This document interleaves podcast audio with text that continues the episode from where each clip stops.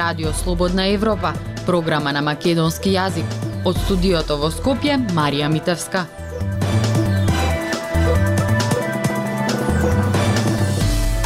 Почитувани во вестите ке слушате.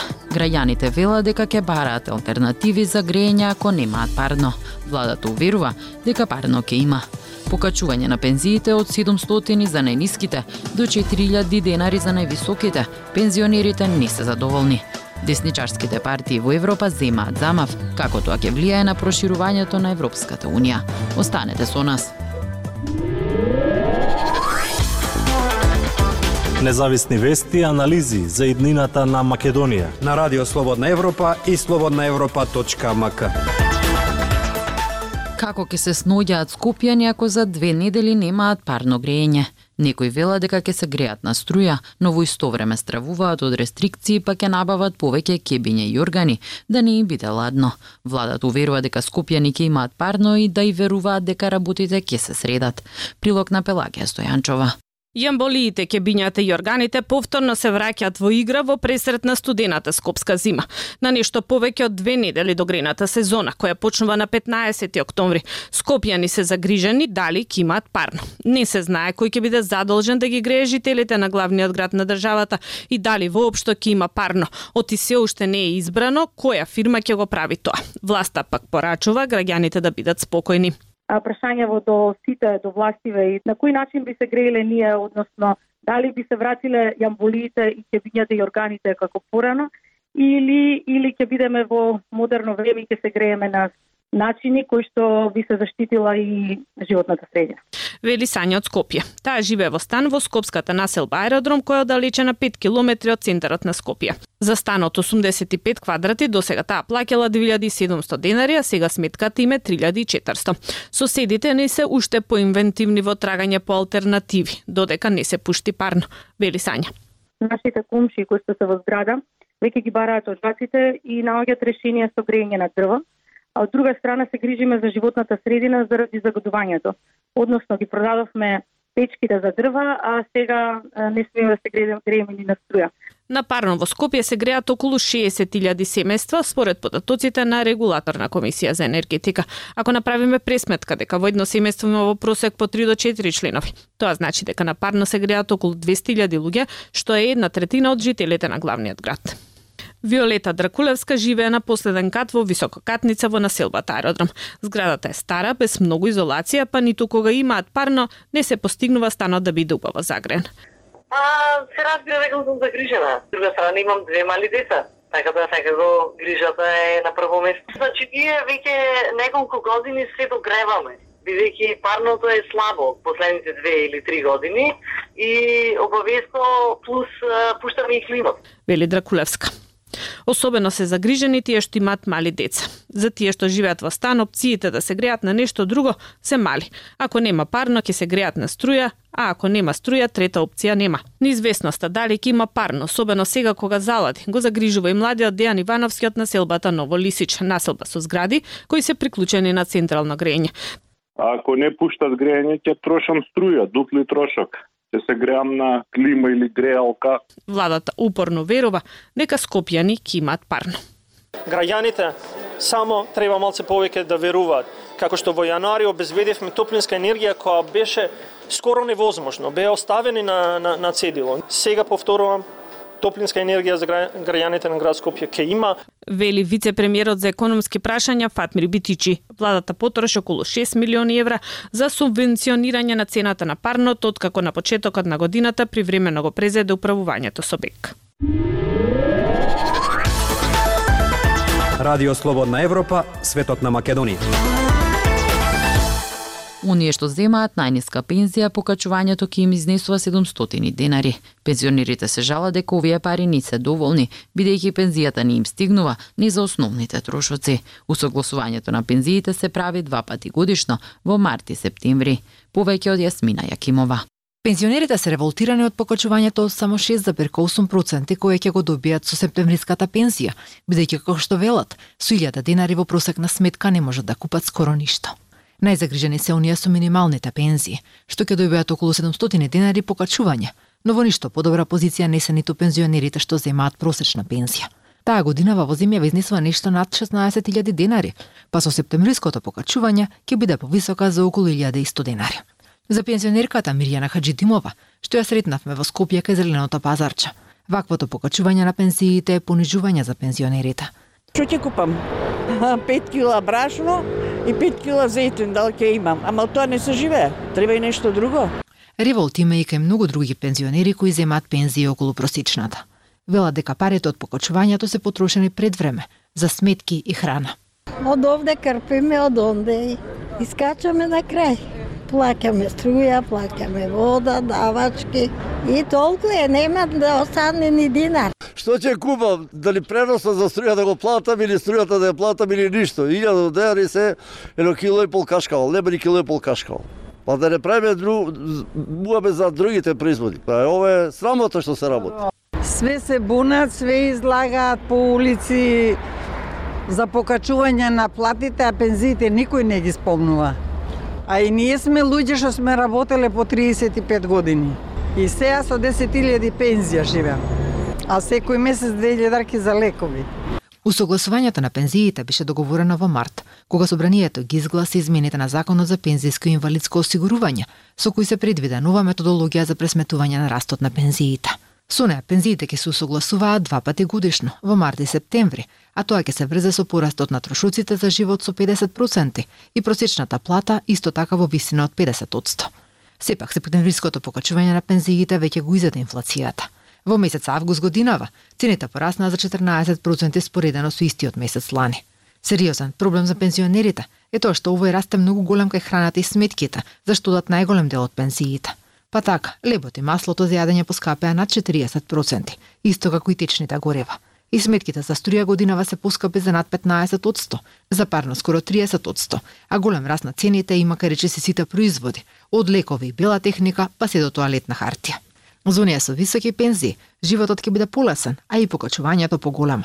Невисоката пензија која била исплатена во земја во август изнесувала 60.294 денари, а месецов ќе порасне за уште 4.000 денари. Пензија од над 50.000 денари во август земале 390 пензионери, додека пониски од 11.500 денари им биле исплатени на над 90.000 граѓани. Слободна Европа. Следете на на Facebook, Twitter и YouTube. Земаат ли зама во Европа десничарските партии откако неодамна на власт дојдоа во Италија и во Шведска. Професорот по политички науки во Американ коледж во Скопје Огнан Вангелов вели дека победата на десничарските партии не е нова ситуација и тешко да се предвиди како тоа ќе влијае на политиката на проширување на Европската унија. Прилог на Марија Тумановска. Убедлива победа на крајно десничарскиот блок во Италија. Две недели предходно на парламентарните избори во Шведска исто така победи десницата. Во април годинава, унгарската десничарска партија Фидес на премиерот Виктор Орбан оствари многу појасна победа отколку што се очекуваше. Победата на десничарските партии во Европа не е нова ситуација, вели Огнен Вангелов, професор по политички науки во Американ коледж во Скопје. Овој тренд трае повеќе од 20 години, но она што е забележително е трендот на зголемена поддршка на крајната десница во Европа. Ако на почетокот на 2000-тата поддршката беше од 3 до 5%, денеска истата е од 15 до 20. Вангело вели дека е тешко да се предвиди што ваквиот тренд ќе значи за евроинтеграциите и воопшто за Европската унија. Тешко е тоа да се каже бидејќи овие крајно десни партии формираат меѓусебни коалиции на, на ниво на Европа, некои од нив се антиевропски, односно евроскептични, но други пак бараат да бараат коалиции на слични или во други европски земји, сметајки дека таквата поврзаност ќе доведе до формирање на некоја нова Европа според нивните критериуми. Како таков пример Вангелов ја посочува десничарската партија Фидес на чело со унгарскиот премиер Виктор Орбан. Оваа партија веќе 12 години е на власт и не се смета за евроскептична, иако има антибриселски политики. Од друга страна пак оваа партија се залага за брза интеграција на земјите од Западен Балкан многу е тешко да се предвиди како би се однесувале овие влади, условно речено, ако многу повеќе земји добијат влади од дес, крајно десни партии, дали тоа, тоа ќе значи стоп за евроинтеграцијата или стоп за европскиот проект како што го знаеме сега и пре, преобликување на, на Европската Унија во нешто сосема ново. Додава Вангелов. Министерот за надворешни работи Бујар Османи вели дека европската идеја е доволно отпорна за кој било скептицизам кој може да се појави од каде било. Веќе нова војна имаме во на територијата на Европа и тоа не верувам дека ќе ја намали потребата за идејата за Европска Унија, туку напротив ќе ја засили независно од тоа кои политички партии добиваат во различните земји. Политичкиот аналитичар Ете Мазири исто така не гледа опасност од десничарските партии и потезите кои тие би ги воделе во однос на евроинтеграциите, вели Азири. Чисто мислам дека десничарските партии, односно десницата во Европа, нема да рефлектира негативно кон проширувањето на Европската Унија, само и пак кажам дека другите фактори влијаат врз тоа, другите интереси. Она што име заедничко на сите крајно десни партии е отпорот кон миграција од неевропски земји, претежно од муслиманските, велат аналитичарите. Некои од овие партии се и против миграција од посиромашните региони, како што е Западен Балкан, особено Косово. Она на што укажуваат нашите соговорници е и можноста за промена на реториката кај тие партии во периодот пред избори и од кога ќе формираат влада. Актуелности свет на Радио Слободна Европа. Целта на Кремљ да мобилизира до 300.000 граѓани да се борат во Украина се соочува со значителни пречки и дури ако се постигне, може би нема да го промени текот на војната, велат аналитичари. Текст на Тод Принц пренесува Гоце Атанасов. Рускиот председател Владимир Путин ја најави делумната мобилизација во обраќањето емитувано до нацијата на 21 септември. Речи си 8 месеци од како тој започна голема инвазија, за која очигледно веруваше дека ќе го фрли Киев на колена во рок од неколку дена.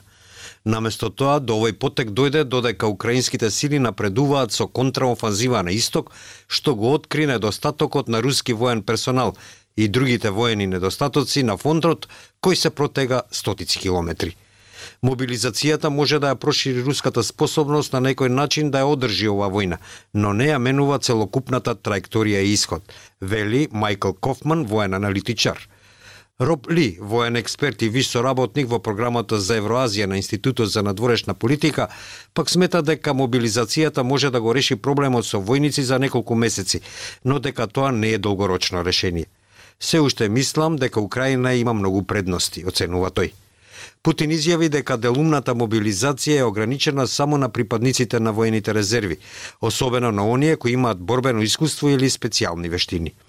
Рускиот министер за одбрана Сергеј Шојгу прецизира дека војската ќе се обиде да регрутира до 300.000 резервисти во повеќе фази. Припадниците на руските воени резерви веќе добиваат известувања да се појават на двонеделни сесии за обука кои започнуваат кон крајот на овој месец. Аналитичарите се сомневаат во способноста на Русија да регрутира, обучува, храни и опреми толку голема сила во скоро време. Марк Хертлинг, поранешен командант на силите на Американската армија во Европа, вели дека ќе биде исклучително тешко да се мобилизираат 300.000 луѓе. Дара Масикот, воен аналитичар во корпорацијата Ранд, Тинг Тенг со седиште во Вашингтон, вели дека Руското Министерство за одбрана дозволила неговиот систем за мобилизација да се распаја. Тие нема да можат добро да направат оваа мобилизација. Системот структурно не може да се справи со тоа, вели таа. Според Институтот за проучување на војната, Русија на хартија има повеќе од 2 милиона поранешни регрути и службеници со договор во резерва сепак малку од нив се активно обучени или подготвени за војна. Во Соединетите држави, припадниците на воените резерви мора да учествуваат во месечни вежби и двонеделна годишна обука. Кофма смета дека постои природна граница за тоа колку војници Русија може да распореди во Украина во секое време без разлика на тоа колку персонал мобилизираат, без оглед на бројот што може да го замислите, руската војска е всушност прилично ограничена во бројот на војници што може да ги одржува и командува, вели Кофман.